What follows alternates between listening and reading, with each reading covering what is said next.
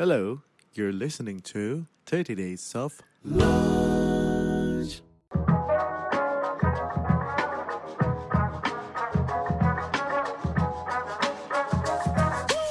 Eh, kan ditabung dulu uangnya. Akhirnya di daftar uangnya dipakai buat daftar. Oh jadi berani gamble it all gitu Iya, ya? gamble, Wow. gambling banget waktu itu. Kira-kira surprise apa yang mau kita kasih kepada pendengar kita setelah 25 episode 30 Days of Lunch? Mulai. 30 Days of Lunch episode ke-26 Balik lagi bareng Aryo dan Ruby, bosan ya opening kayak gitu? Coba ulang yuk. Gimana dong? Eh udah episode 26 nih udah mau udahan Udah yuk gitu ya. Kayaknya kayak gitu boleh deh, biasa gitu. Boleh. Menurut teman-teman kita suruh mesti lanjut nggak sih atau kita udahan aja di sini ya di Nggak episode tahu 30? Gue tuh kayak sebenarnya um, Gue nunggu demand dari listener saja sih Kalau sampai rumah gue di demo mungkin baru kali ya Oke, tolong kasih tau alamatnya Oh, ya. jangan. Nanti gue taruh di Instagram, please demoin. But anyway, kita seneng banget. Um, walaupun mendekati final episode, tapi kita tetap sebisa mungkin untuk mau ngasih values, mau ngasih insights, mau ngasih pembelajaran ke teman-teman semua sebisa kita, semaksimal mungkin. Dan hari ini kita punya tamu yang spesial banget. Um, karena tamu-tamu ini seumuran teman-teman dan bahkan lebih muda dari teman-teman. Udah hampir separohnya umur gue itu udah, udah langsung gue state aja dari awal ya Bahwa ini dia umurnya hampir separohnya umur gue Sampai separohnya Aryo tadi sampai kayak udahlah gue mau pulang aja gue nggak kuat ngelewatin ini ya.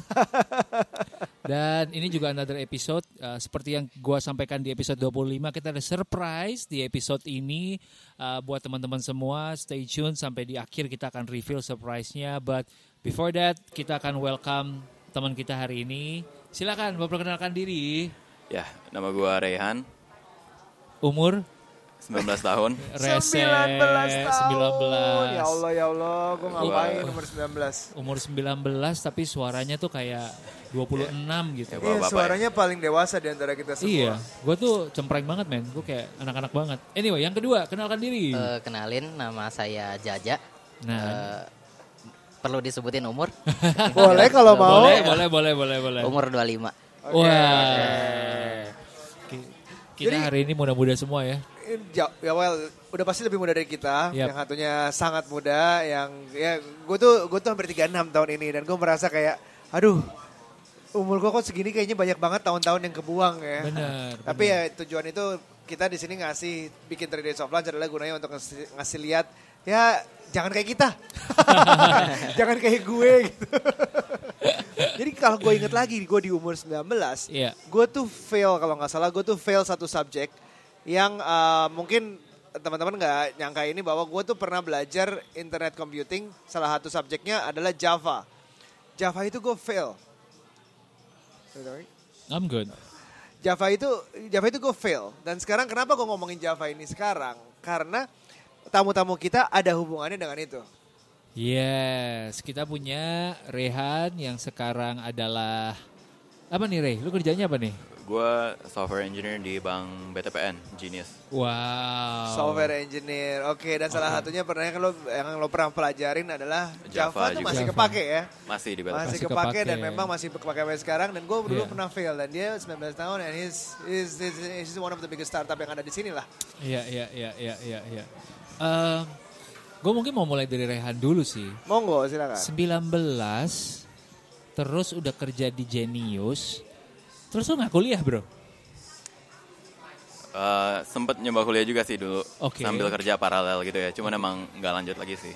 Wow. Nggak lanjut kuliahnya jadi jadi cabut dari kuliah nih. Ya udah udah bye bye lah. Wah, Kenapa lu oke. ngecabut kuliah? Patah, patah, patah putus cinta ya pasti ya? Gak gitu lah. Ngaku lo, ya kan? Lo nggak mau ke kampus lagi karena ketemu cewek yang nolak lo kan? Iya. Dipaksa ngaku sama Dipaksa gue. ngaku padahal enggak. Iya. Gimana gimana? Nggak dulu mikir aja sih kayak eh, Senin sampai Jumat ngantor satu minggu kuliah lagi terus kapan gua bisa hangout sama teman-teman atau kapan gua eh, ada banyak lah soft skill yang gue pingin punya juga gitu loh di weekend gua pingin ada live di luar uh, work in college gitu. Jadi di saat itu pun lo lebih prefer kerja daripada kuliah ya. Yang di istilahnya yang ditendang tuh kuliahnya. Iya. Jadi Oh, prioritasnya emang ke situ. Iya, prioritasnya adalah kerja. Heeh. Bentar, berarti lu udah kerja dulu, baru lu apply kuliah.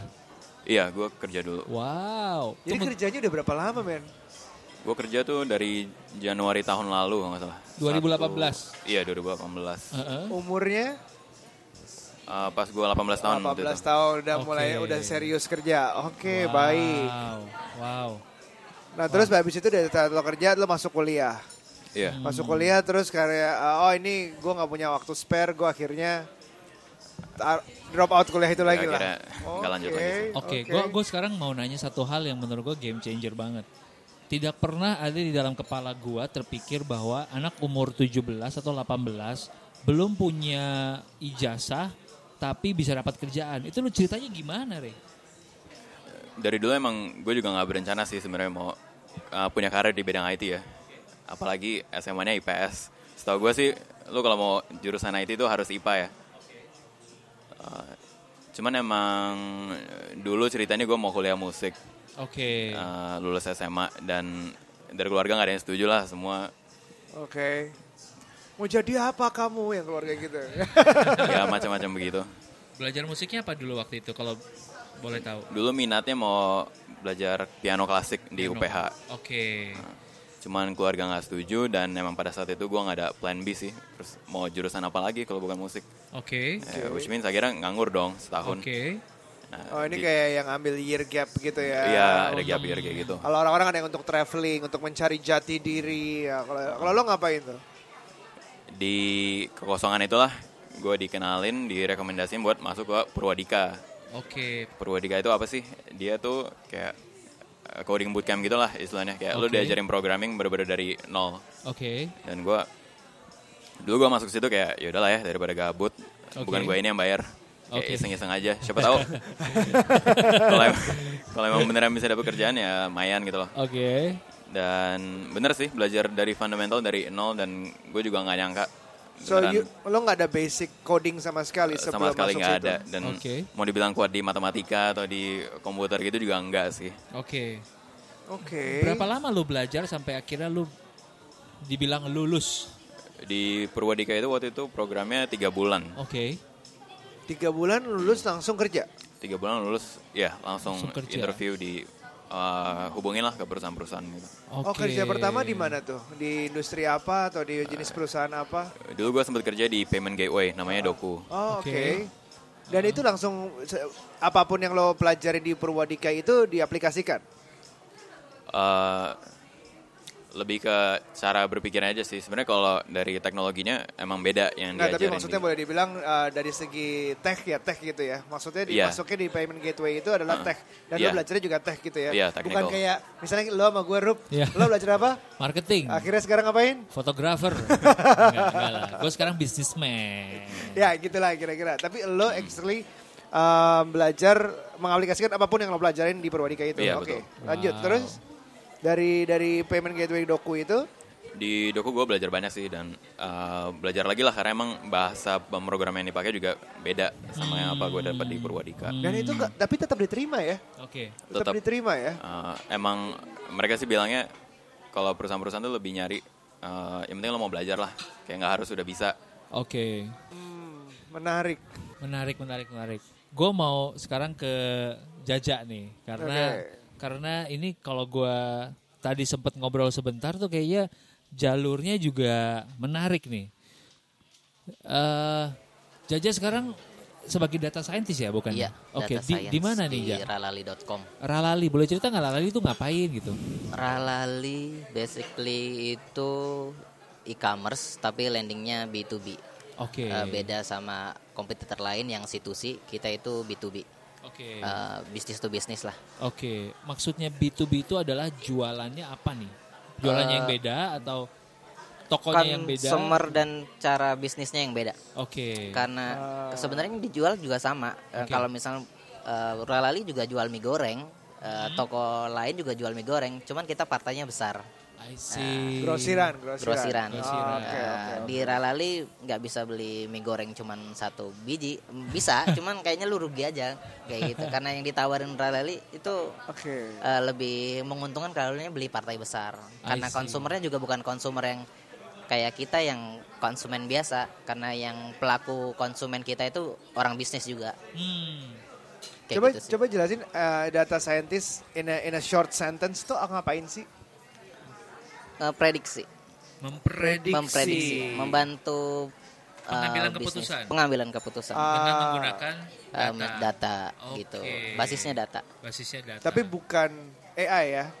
AI itu bagian dari data science itu, jadi ka- kalau kita ngomongin machine learning, machine learning itu ada AI-nya, deep learning kita kalau kita nyebut. Deep learning, oke, Oke. oke. Nah itu bagian dari data bagian dari scientist. data science. Next step sih sebenarnya. Lo So- emang rencana jadi data scientist dari dulu? Eh, keinginan sebenarnya jadi programmer. Oke. Cuman Programmer. karena programmer di Indonesia kebu- kebetulan di lingkungan lingkungan juga udah banyak teman-teman yang jadi eh, programmer kayak web developer atau mobile developer. Gue jadi mikir eh, kira-kira ke mana ya kayak kayak gitu. Terus ada ya gue baca-baca internet, terus juga kan di istilahnya dibilangin kalau data science itu adalah pekerjaan seksi untuk tahun 2000-an ke depan kayak gitu dia bilang kayak gitu dan akhirnya gue cari tahu cari tahu data science itu apa kayak gitu Hmm. sih ke situ Nah sebelum terjun ke data science tuh di bidang apa? Jaja? finance gue sebenarnya wow. eh, tapi bagian eh, credit and analyst kayak gitu I see. Oh tapi berhubungan dengan data juga Iya, ya. Jadi hal yang lo suka tuh data sebenarnya. Iya betul. Gua Oke. udah kebiasaan bacain data sih. Cuman kalau di tempat gua yang lama, datanya nggak bentuk digital. Oke. Karena, Oh oke, ya. oke. Eh, kayak gitu. Jadi udah kebiasaan ketemu data, cuman datanya nggak digital gitu aja. Eh, Oke. Masih dikonsum via Excel, cuman nggak pakai program gitu aja. Oke. Ah, cuman mengolahnya lebih susah lah mengolahnya ya. lebih susah. Iya iya iya. iya. Dan terbatas sih kalau Excel. Teman-teman malam ini kita obrolannya eh, mulai mengarah ke satu topik ya kayaknya kalau menurut gua nih. Your ability untuk bisa reinvent yourself. Kemampuan lo untuk ngelihat di dalam satu masa karir lo ternyata masih mungkin untuk belok Iya. atau bahkan teman-teman yang sekarang ini lagi sekolah ternyata pilihannya nggak melulu harus Sekolah. kuliah dulu gitu nah ini ini memberikan perspektif baru buat teman-teman nih yang mau yang di dalam persimpangan kalau karirnya Bukan berarti gitu. besok harus langsung DO ya, langsung nyambut dari sekolah. Harus Jangan. mikir banget banget nih. gue disuruh Aryo nih mah untuk do mampus lo yang Terus di kamu demo mau- beneran lo Terus lo kamu mau ngapain nak? Nggak tahu. Oh, Ya, nggak bisa begitu juga gitu. Eh, tapi gue lebih pengen ngegali apa sih yang ada di pikirannya Jaja sama di pikirannya Rehan ketika lo ada di posisi itu gitu. Mungkin bisa dimulai dengan gini.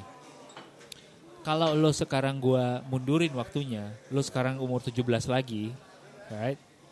Terus lo punya pilihan untuk kuliah, properly IT, sama pilihan Purwadika tiga bulan.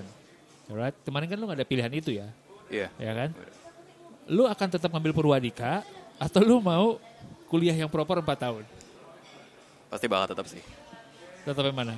Bakal tetap ngambil ke Purwadika. kenapa? tuh? Purwadika. Oke, nah ini, ini ini ini menarik nih. Kenapa? Kenapa? Kenapa? gue ngerasanya sih apa yang gue dapat sama tiga bulan itu udah compact banget dan emang udah up to date sama apa yang lagi dibutuhin di company sekarang lah. Oke. Lu pernah nggak akhirnya nanya sama teman-teman lo nih yang kuliah, eh, gue ketinggalan sesuatu nggak sih kalau gue nggak kuliah? Atau Karena lu kan- nanya sama bos lu gitu? Ya karena kan lo ngomongin tahunan sama cuma tiga bulan Tiga nih. bulan kan? Ah. Ini feels like too good to be true gitu. Iya, iya, Ah. iya. Ya, dari gue juga sebenarnya ada sih kayak Iya. ketakutan kayak gitu kayak sekarang gue bisa masuk nih cuman Iya. uh, going up bisa nggak gue naik gini loh Iya, di iya. apalagi ini kan bank corporate Iya. kayak mungkin takutnya nanti ada hambatan untuk gue bisa naik ke manajemen atau sebagai macam tanpa Oke. degree gitu Ah. cuman kayak gue sih mikirnya ya udahlah sekarang gue coba kalau emang nanti nggak bisa toh gue masih bisa bikin startup atau mulai bikin usaha sendiri masih banyak option lain lah Dan eh, kalau gua ngelihat sih dari teman-teman gua yang di dunia tech, em, kelihatannya mereka tidak mengukur dirinya dari eh, ijazah atau dari sertifikasi. Se- gitu. Semua tuh dari apa ya? Dari portfolio Semuanya sekarang. dari ya? portfolio sekarang sih. Lo, lo udah bikin apps apa, web apa, Exactly. apa pun Iya. eh, karya lo di karya dunia yang itu. menentukan. Jadi gua ini cerita sedikit ya. Um, gua at the moment lagi barengan sama beberapa teman untuk bikin sebuah app. Uh, gue belum bisa cerita apa, tapi gue bisa cerita prosesnya. Jadi dalam proses itu gua uh, mencari orang-orang yang bisa ngebantu gue untuk build si app kan. Nah ketemulah gue dengan satu orang yang di umur 20-an awal juga dia udah menjadi uh, lead uh, developer di uh, salah satu uh, aplikasi finance yang menurut gue gede banget gitu. Dan amazingly dia bisa ngerjain apps gua itu dalam waktu singkat banget gitu, kurang dari tiga bulan. Dan dia ngerjain apps buat company dia itu kurang dari dua bulan. Dan menurut gua amazing banget. Nah dengan kebriliannya dia, gue nggak heran kalau dia bisa mengisi posisi lead developer di umur 20-an awal gitu. So, well anyway, gue jadi kayak lagi ceramain adik kecil gitu. Tapi gue cuma bilang kalau um, menurut gue the opportunity is there for you selama lo fokus dan lo mau tetap belajar sih. Karena ujung-ujungnya kalau karya lo bagus, no one is stopping you. Ya nggak sih? Hmm. Nah kalau kalau Jaja tuh bagaimana ya? Waktu waktu berpindah industri itu di kepala. Oh.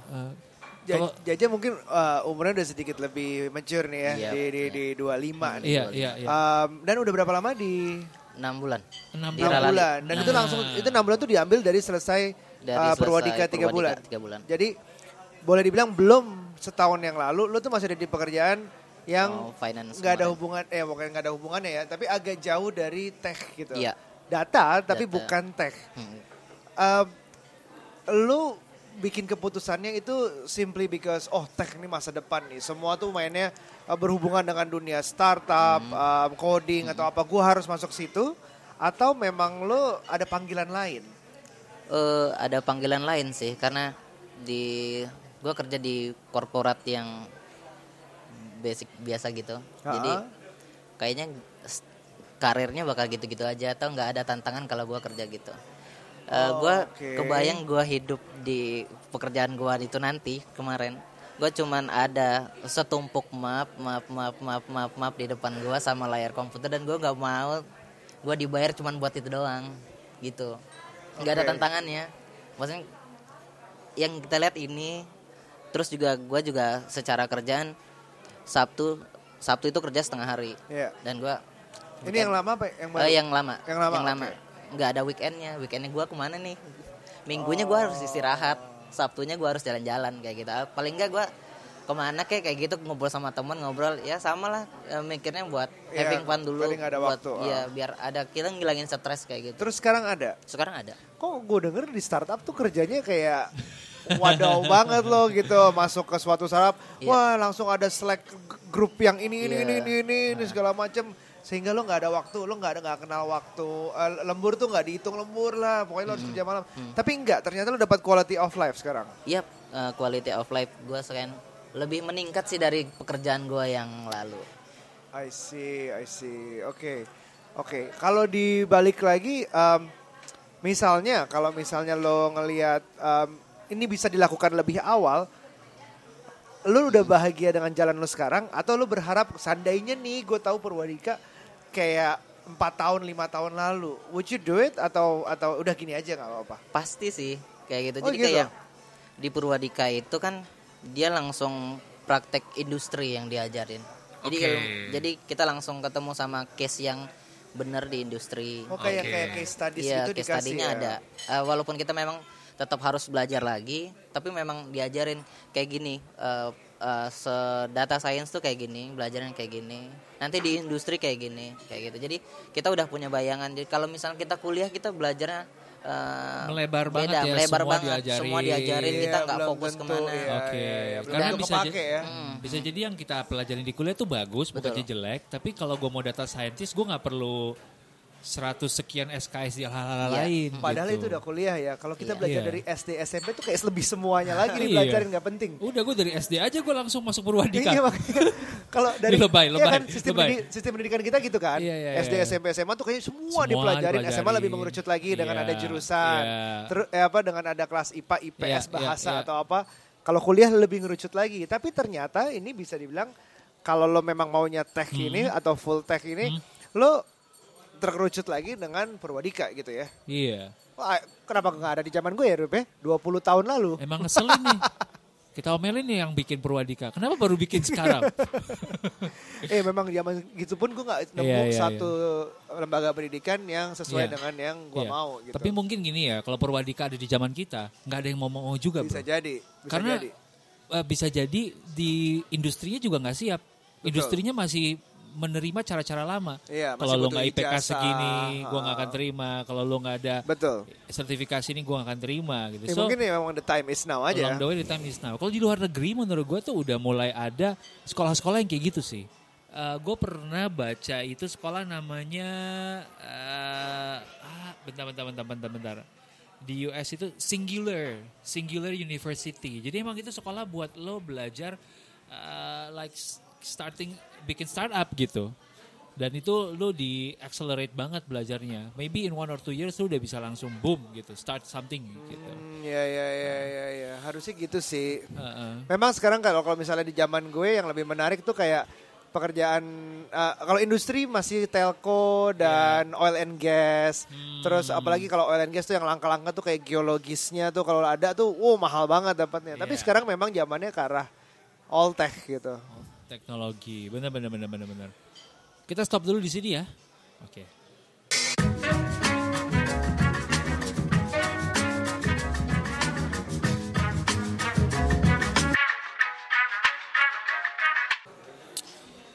Wow. Makanannya gimana yuk Ah, was okay. it was okay Rehan Eh, porsinya kecil sih. porsinya kecil ya gue heran ya, Ya, buat lo lo mesennya kayak kecil emang Iya. sengaja ya. Beda lah di fotonya. Bu, wah ini kode nih. Ya, ya, ya, Beda ya. sama foto. Oke, oke. Mas Jaja gimana makanannya? Enak. Enak? Walaupun ini kebanyakan loh. Oh kebanyakan malah. Kebanyakan. Rehan mau? Anyway, ya we are enjoying the food here. Like we said, three days of lunch kita sambil makan, kita ngobrol dan kita mau lanjutin belajarnya. Em, satu hal yang lumayan bikin gue penasaran adalah, kok dari tadi tuh kelihatannya kayaknya jalannya mulus-mulus aja ya. Like, ada nggak sih struggle-nya gitu? Gue cuma mau tanya Mas Jaja deh. Mas udah punya pasangan? Udah menikah? Udah. Udah, udah menikah? Belum. Oh, belum. Pasangan udah pasangan Pasangan. udah. Segera, Oke. segera. Segera ya, oke. Em, soalnya kenapa gue nanya, biasanya di umur-umur yang 25 itu kebutuhannya mulai beda mas. Ya kan? Eh, Memasuki umur-umur quarter life crisis. Exactly, dan memasuki umur-umur di mana mulai ditanyain kapan kawin, mulai ditanyain kebutuhan bertambah, orang yang di take care pun bisa jadi bertambah, terus niche-nya bertambah. Eh, ada nggak sih mas struggle-struggle di area situ atau di area lain ketika harus pindah dari dunia perbankan, eh, terus masuk ke data scientist. Terus waktu di Purwadika full time ya berarti ya? Iya full time. Nggak bisa kerjain yang lain ya? Iya resign. Resign. Wow, gimana tuh? Boleh cerita nggak? eh struggle-nya sih ke stres pasti stres sih. Stres Wow. masalah. Stresnya kenapa tuh? Karena kan eh, saya perantauan, saya eh gue perantauan, eh, gue nggak mungkin nggak minta lagi sama orang tua waktu itu.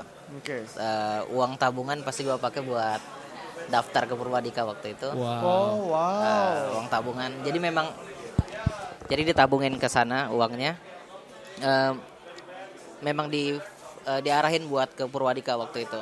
Jadi waktu sebelum memang udah ada rencana ke Purwadika cuman eh, kan ditabung dulu uangnya. Akhirnya di daftar uangnya dipakai buat daftar. Oh jadi berani gamble it all gitu Iya, ya? gamble, Wow. gambling banget waktu itu. Jadi waktu itu tabungan yang dipunya memang sejumlah untuk belajar. enggak, pasti Oh, enggak. Masih ada. Tambahnya Masih lebih. ada Tapi Ya, sebagian lebih- besar lah ya, pokoknya kepake lah kepake, bahwa betul. langsung kerasa nggak bisa nyaman lagi nih, secara nggak bisa leha-leha, Iya, harus betul, serius. Betul, Ya, harus serius. Kalau enggak kacau kan pasti. Iya. Oke. Eh, waktu itu juga ya pakai uang sendiri kan, jadi ya memang harus nggak mungkin setengah-setengah ini udah udah ke jurang Iya, nih iya, kalau iya, kita iya. salah lompat ancang-ancang pasti udah pasti jatuh kayak gitu jadi memang harus benar-benar waktu itu fokus benar-benar harus fokus sih waktu itu Oke, jadi ibaratnya kalau yang cerita-cerita zaman dulu ini kapalnya udah dibakar nih. Oh, Iya. Sampai pulau lu udah gak bisa pulang. Pokoknya lu either you make it or you die. Nggak ada U-turn, nggak ada Nggak ada U-turn.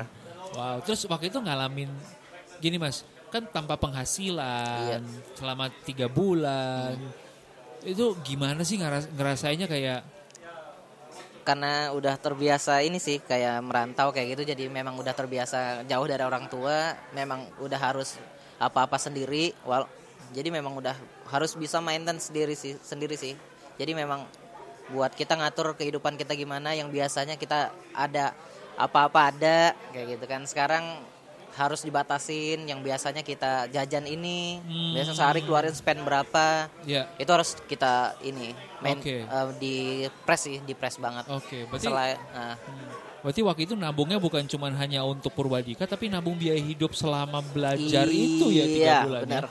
Wow, wow, wow. Eh, pernah ngerasa ini gak sih mas di satu titik selama tiga bulan itu kayak kayaknya gue ngambil keputusan yang salah nih. Hampir hampir muter balik gitu, ada nggak? Alhamdulillah enggak Oke. waktu itu. Jadi waktu itu memang harus kebetulan pacar gue juga ini Iya, iya. dukung waktu Oke. itu memang buat resign terserah yang penting harus fokus segala macam dia juga nggak nggak nuntut banyak kan waktu itu jadi dia, dia nyemangatin banget sih Oke. jadi ada dukungan dari orang-orang Orang terdekat terdekat. juga Hmm. Kalau Rehan gimana Rehan? Kalau Rehan tuh masuk eh, kerja itu di usia 18 tahun. Iya. Ada ngerasa yang aneh-aneh yang berat sebagai 18 tahun nggak? Misalnya kalau gue ya di awal mulai underestimated sebagai anak kecil Oh. lah di bidang itu. Terus ada nggak kayak gitu kayak gitu ngalamin nggak? banyak juga sih perasaan kayak gitu maksudnya ya takut iyalah itu masa depan gue juga cuman mungkin nggak yang segimana ya dibandingin kalau dulu teman-teman gue di Purwadika banyak yang sampai resign demi bisa ikut kelas. Ya mungkin kalau in my case ya nothing to lose lah. Terus waktu masuk waktu masuk kerja lu ada ngerasa kayak gila gue nggak nggak bisa fit in nih karena gue kemudaan gitu. Eh, itu jadi jadi topik pembicaraan juga sih di kantor. Cuman kalau menurut gue nggak jadi hambatan malah itu jadi peluang buat gue Eh, justru dengan umur gue kayak gue ngerasa sih malah dikasih banyak kesempatan untuk lebih berkembang lagi. Kayak contohnya waktu itu gue sempat disuruh jadi pembicara di conference. Itu ya karena umur gue juga sih. Oke. Saya karena sebenarnya kalau mau dilihat dari skill ya gue mah masih lebih payah lah daripada orang-orang kantor lain. Cuman kayak cuman gara-gara wah masih 18 gitu Iya tapi ya Hmm. exactly karena lo masih muda mau dibilang skillnya itu masih di bawah pun lo masih punya jarak untuk waktu untuk ngejar dan bahkan lebih gitu di saat umur yang orang lain Iya. bisa. Ini lo bisa lebih. Gitu Wow. sih. Boleh jadi nggak pernah ada struggle ya? Belum ada ya struggle serius? Oke oke. Masih panjang jalannya. Baik-baik. Gue lah. suka panjang nih masih panjang jalannya. Nah, eh ini buat teman-teman yang mungkin menjadi penasaran nih. Ini profesi-profesi baru, data scientist, AI nanti ke terusannya, kemudian eh tadi web apa namanya app development. Eh, sebenarnya tuh belajar coding itu susah nggak sih mas? Bener nggak sih kayak tiga bulan itu sebenarnya doable banget gitu buat teman-teman berdua? Eh, kalian berdua nggak ada background coding sebelumnya ya nggak ada lo Kalau Rehan nggak ada Lo saya ada. ada Ada. coding Ada. ada oh oke terus em, kalau berarti dari Rehan yang sama sekali nggak ada program coding sesusah apa untuk mulai akhirnya dari Purwadika emang selama lu ada mentor yang benar-benar uh, care bisa follow up terus sih sebenarnya tiga bulan tuh cukup banget sih Cuma tiga bulan doang cukup dapat Tiga coding bulan udah cukup. semuanya. Dari yang Uh, orang nol nih dari coding. Iya, mau dibilang jadi pro juga enggak ya. Cuman untuk dapat fundamentalnya untuk bisa mulai kerja gitu sih tiga bulan oke kok. Oke, tiga bulan itu apa sih yang lu pelajarin? Tapi coding gak ngeri ya. Maksudnya gue, maksudnya kalau gue nggak bayangin yang, oh gue nggak ada background coding sama sekali. Gue Rehan tuh IPS lah, atau enggak gue lebih sukanya, I don't know something. Ada yang otaknya merasa artistik ya kayaknya sama gue artistik masih lebih cocok. Tapi kalau udah hubungannya sama science atau bahkan Ya, coding, gue nggak kayaknya nggak cocok deh. Emang harus kayak gitu, emang gampang ya bener ya? gue punya feeling nih ya, gue punya feeling nih. Karena kan kita sempat ngalamin eh, apa ya, orang tuh cari kerja juga akhirnya ngikutin tren. Ada masanya tuh gue ngelihat selama 3, 4, 5 tahun terakhir trennya itu adalah orang pindah kerja ke agency. Tiba-tiba banyak banget orang yang content creator, fotografer bermodalkan dengan eh, satu kamera mirrorless gitu. Iya, iya, iya. Eh, kayaknya nih gue punya feeling ketika mereka mencoba dunia itu satu dua tahun dan tidak berhasil, kayaknya ini boleh dicoba nih untuk belajar coding gitu ya. Iya, iya, iya, iya, iya. Karena menurut kenapa menurut gue menarik karena dia dari Rehan ini dari tadinya dia mau ngambil musik dan akhirnya dia convert ke eh, coding, convert ke programming, which is eh, dari seni juga. Nah Iya. buat lu yang memang awalnya otak seni, ya terus kemudian lu ke otak eh, tech ini coding susah nggak sih? Wah udah bahkan SMA-nya sosial, IPS. Namanya sosial IPS. Kalau kesusahan ya pasti ada sih, cuman karena emang bener-bener diajarnya itu step by step sih. hmm. Nggak selama lo mau belajar sendiri ya di rumah baca-baca atau di jalan. Hmm. Menurut gue sih masih bisa kok.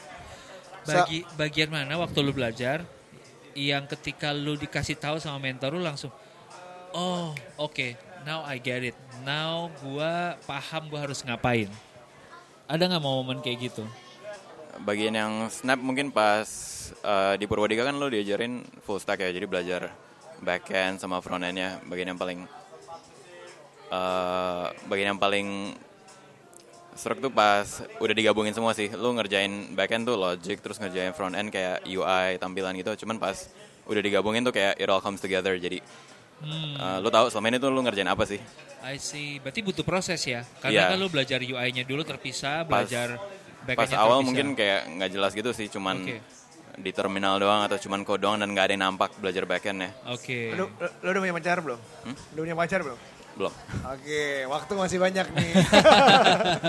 ya, gue mau nanya di Purwadika itu, lu bisa ada belajar apa aja dan atau potensinya lu jadi apa aja sih? Oh, Tahu nggak? Kalau di di course-nya yang data science, Ah, Iya. ah, di jadi data kan science-nya, Di oke. data science, eh, Purwadika ngajarin pertama basicnya dulu, fundamental programming dulu. oke Jadi eh, murid-muridnya tuh diajarin cara berpikir logik dulu, Eh, berunutan karena karena secara eh, Python bahasa programming yang diajarkan di Purwadika buat eh, kursus eh, di jadi data science itu Python itu eh, baca programnya dari atas ke bawah. Jadi memang eh, secara runut diajarin kayak gitu sih. Lebih jadi Oke. ke situ terus terusnya baru belajar eh, kalau setelah fundamental udah kelar, kita belajar yang lain. Kita belajar tentang visualisasi datanya, eh, mengenal datanya seperti apa, terus distribusi datanya seperti apa. Selanjutnya setelah baru belajar yang visualisasi dan teman-temannya itu, kita Oke. baru masuk ke machine learning. Machine learning itu gimana kita dengan data-data yang udah kita ada, yang udah kita analisa bentuknya seperti ini seperti ini, kira-kira algoritma apa yang cocok. Lo Eh, kira-kira kayak keluar dari situ jadinya apa selain jadi Selain, lo data eh, scientist? data apa science. lagi? Eh, sebenarnya di step kedua kita udah bisa jadi data visualisasi. Hmm. Data visualisasi kita udah bisa atau data analis itu udah bisa. Apa? Oke, oke, oke. gue penasaran satu hal sih. Ini mungkin my last question sebelum kita move ke next topic. Gue berkali-kali dengar orang ngomong kalau belajar programming itu basicnya adalah belajar logic. Memangnya kita sehari-hari udah nggak pakai logic? Emang ada pelajaran logic juga Emang di udah belajar logic juga? Apakah kita butuh itu? Sebutuh itukah kita logic? Nah, kayak gimana sih? Boleh nggak kasih contoh? Yang dimaksud logic itu. Tapi emang benar sih kalau dibilang gitu kayak Iya. lo kalau udah belajar satu bahasa sebenarnya pindah ke yang lain tuh nggak beda jauh. Oke. Karena selama logiknya udah dapet kayak cuman masalah beda sintaks atau beda ya cara penulisan, beda implementasi Role aja sih. penulisan biasanya sih beda-beda. Boleh cari sekitar satu contoh nggak yang simple aja? Yang dimaksud dengan logic tuh kayak gimana? Hmm, gimana ya? Mungkin bahasa programming yang dimaksud tuh kayak if this then that gitu ya Yes, kalau kayak Ah, iya misalnya Iya. seperti itu. Banyak konsep yang jalannya sama. ke sini berarti pilihannya adalah ini atau ini. Kalau ini enggak ini ya berarti ini. Ini lu Gitu. belajar waktu Java dulu nih. Iya yang gagal itu loh. Makanya denger dari gue. Belajarlah dari orang yang gagal, lebih gampang ngejelasin. Oh, iya. Gimana gue? Bener nggak kayak gitu? benar sih. Jadi Oke. kayak itu salah satu metode yang itu if else itu sih sebenarnya yang disebutin. Ada juga yang looping. Nah, yang looping itu kan kita belajar logic gimana pengulangan bisa terjadi kayak gitu. Oke. Seperti itu sih. Jadi kita em, eh, belajarnya logiknya kayak gitu. Oh, kalau misalnya dia, na- dia nanti ngeklik A Oke. Terus dia ngeklik B itu apa yang keluar? Hmm. Kalau ngeklik C dia apa yang keluar? Itu biasanya di front end sih belajar kayak gitu. Oke. Gue terakhir coding gue, lo tau nggak di um, ada coding dengan Minecraft, Hmm. coding dengan Star Wars tuh ada kan Iya, yang untuk ngajarin anak kecil kayak benar-benar kecil kayak 3 5 tahun gitu untuk mempelajari oh biar belok ke kanan tuh pencet apa, belok ke kiri tuh bikinnya gimana. Itu udah ada tuh mulai se- bahwa anak kecil aja bisa mulai belajar coding dengan I itu. Kalau nggak salah code.org kayak gitu. Iya, iya. Lu bisa cari itu Minesweep eh main Minesweeper mah mainan zaman gue dulu ya. Salah. Minecraft, Star Wars, apa Iya. segala macam tuh bisa dibikin codingnya. Menarik, menarik. Nah, eh, kita udah ngedalamin banyak banget nih dari teman-teman dan gue mulai percaya karena gue bukan mulai percaya sih, gue percaya banget orang itu punya kemampuan untuk bisa merubah jalur karir Eh, atau bahasa lainnya reinventing yourself. Oke. Kalau case-nya gue, eh, gue mencoba sembilan hal yang berbeda. Mungkin udah pada bosan kedengerin ini ya. Iya, di Instagram. Eh, dari Instagram dan eh, mungkin udah pada tahu juga gue awalnya belajar bisnis, gue kemudian masuk sales, kemudian gue dalamin fotografi, kemudian gue jadi product manager, bikin app, tapi kemudian gue lompat-lompat lagi, gue sekarang akhirnya running tiga bisnis yang berbeda, salah satu bisnisnya adalah HR consulting, what? Gitu kan kayak gak ada hubungannya gitu Generalist dan specialist. itu jadi buat uh, buat gue nggak usah kaget buat teman-teman yang ngalamin persimpangan terutama dalam hal karir itu doable banget dan sekarang kalau mau merubah karir pun udah ada instansi-instansi kayak Purwadika yang dalam tiga bulan lu bisa speed your progress Ya, yang kalau dulu lu kayaknya mau ngubah karir lu butuh bertahun-tahun wah gue kuliah lagi nih empat tahun lagi gitu Iya, kan ya. iya, iya, iya. ternyata enggak nah tadi kita ngomong soal surprise yuk dan kita Oke, udah nyebut Purwadika nih. berkali-kali kira-kira surprise apa yang mau kita kasih kepada pendengar kita setelah 25 episode 30 days of lunch Brak. Nah, 3 Days of Lunch selama ini ngasih hal yang boleh dibilang uh, agak-agak intangible karena hasilnya itu cuman lo sendiri yang bisa make the most of it or you don't make the most of it. Lo bisa dengerin podcast kita terus besok nggak ngapa-ngapain, you don't do anything about it juga bisa. Tapi lo dengerin podcast kita sehingga ada hasilnya di diri lo masing-masing lagi. Nah sekarang ini bentuknya sedikit lebih tangible, artinya kita memberikan hadiah C hadiah sayembara C. Jadi lebih ke arah kayak kita ngasih kita akan memberikan sebuah beasiswa. wow beasiswa beasiswa Beasiswa. Jadi nggak sebuah aja tapi lebih ke arah delapan beasiswa. beasiswa. Delapan beasiswa. Delapan beasiswa, gila-gila. Gue nggak pernah kebayang bahwa ketika kita mulai 3 days of lunch akan membawa kita ke titik ini. Tapi satu hal yang gue syukurin adalah eh, dari satu episode ke episode yang berikutnya 3 days of lunch ini ngebawa kita ke opportunities, ngebawa kita kepada orang baik, ke orang baik yang berikutnya. Ya. Mulai dari logo 30 days of lunch ada orang yang bikinin. Ya, sampai Mulai dari jingle. jingle ada orang yang support juga ngebantuin. Betul. Uh, thank you Christian Bong, shout out, thank you Edwin Saputra. Sampai sekarang on progress ada websitenya 3 Days of Lunch lagi on progress dibikin. Uh, dan sekarang kita diajakin sama Purwadika untuk memberikan kesempatan kepada teman-teman di luar sana untuk put into practice apa yang udah lu pelajari selama 25 episode.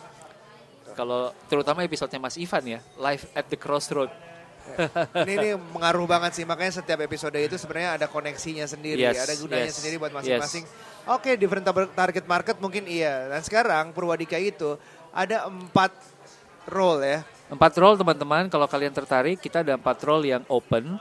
Eh, pertama adalah Digital marketing, Ah, data scientist, yes, mobile development, dan yang terakhir UI UX. oke. Gue mungkin perlu ceritain ke teman-teman kenapa empat role ini yang diangkat dan kenapa empat role ini juga yang kita pilih. gue ngerasa kalau empat role ini adalah role yang sekarang lagi panas-panasnya Betul. dan role yang akan tetap panas selama beberapa tahun ke depan gitu karena ketika kita mencoba untuk mm, reinventing ourselves, kita mau cari sebuah skill yang sebuah knowledge yang relevan untuk beberapa tahun ke depan kan. Iya. Uh, buat gue dari empat ini, yang paling gue tertarik sebenarnya personally adalah UI UX. Oke. Buat lu apa yo? Buat gue masih digital marketing sih. Seriously. Iya, wa- walaupun kayak eh, gimana ya, digital marketing itu mungkin sekarang relevan dengan anak-anak yang mau masuk agency misalnya. Oke. Mau belajar jadi content creator, mau Oke. belajar tentang eh, ya digital marketingnya itu sendiri, Oke. social media, SEO, segala macam. Ha-ha. Itu gue masih paling relate mungkin karena gue paling familiar. Oke. Tapi kalau gue mau do something wild, Hmm. mungkin gue akan larinya ke UI UX atau data scientist sih.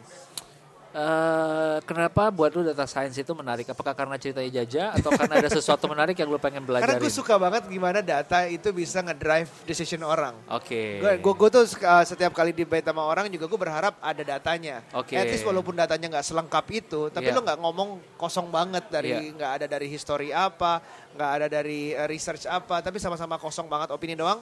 Gue agak uh, belum yakin gitu. Tapi kalau if you add something, data Iya. itu ngaruh banget untuk bikin keputusan orang dan itu it could be the future gitu. Gua seneng banget kalau ngomongin data itu ada satu orang namanya Hans Rosling. Dia nulis buku Factfulness judulnya. Itu salah satu buku yang direkomendasikan sama Bill Gates. Dan teman-teman cari deh, jadi di salah satu YouTube dia, dia memvisualkan data itu dengan sebegitu menariknya. Eh, bagaimana negara berkembang secara ekonomi akhirnya mempengaruhi Iya. berbagai macam hidup mereka secara sosial.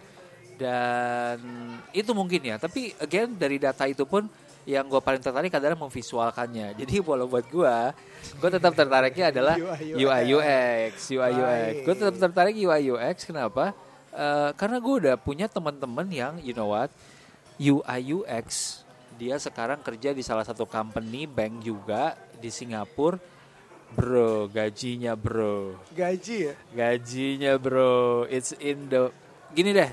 Dia kalau mau beli eh Omega Speedmaster setiap bulan bisa dan masih ada sisa.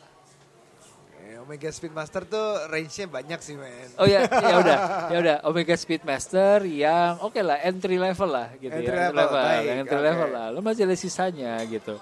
Dan dia masih punya dana untuk beli oke lah anyway jangan jangan terlalu banyak ke duit tapi menurut gua gini the fact is the chances are huge in these areas Iya, karena iya, begitu iya, banyak iya. orang yang cari dan Indonesia startupnya berkembang banget alright One, one of the fact behind it adalah uh, begitu banyak company yang kerjasama Yeah. sama Purwadika ini. Ada Yes. 500 lebih company di Yes. belakangnya.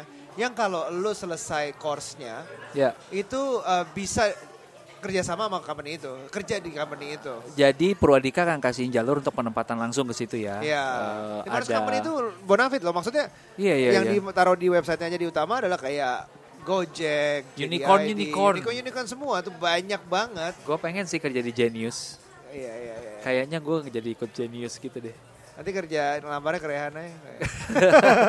Macam-macam di sini ada company-nya ya teman-teman, ada pergi-pergi, ada jadi ID, ada Halodoc uh, dan beberapa ratus uh, company Astra, ada lainnya gitu. So, uh, questionnya adalah kalau kalian tertarik, mereka mesti gimana yo?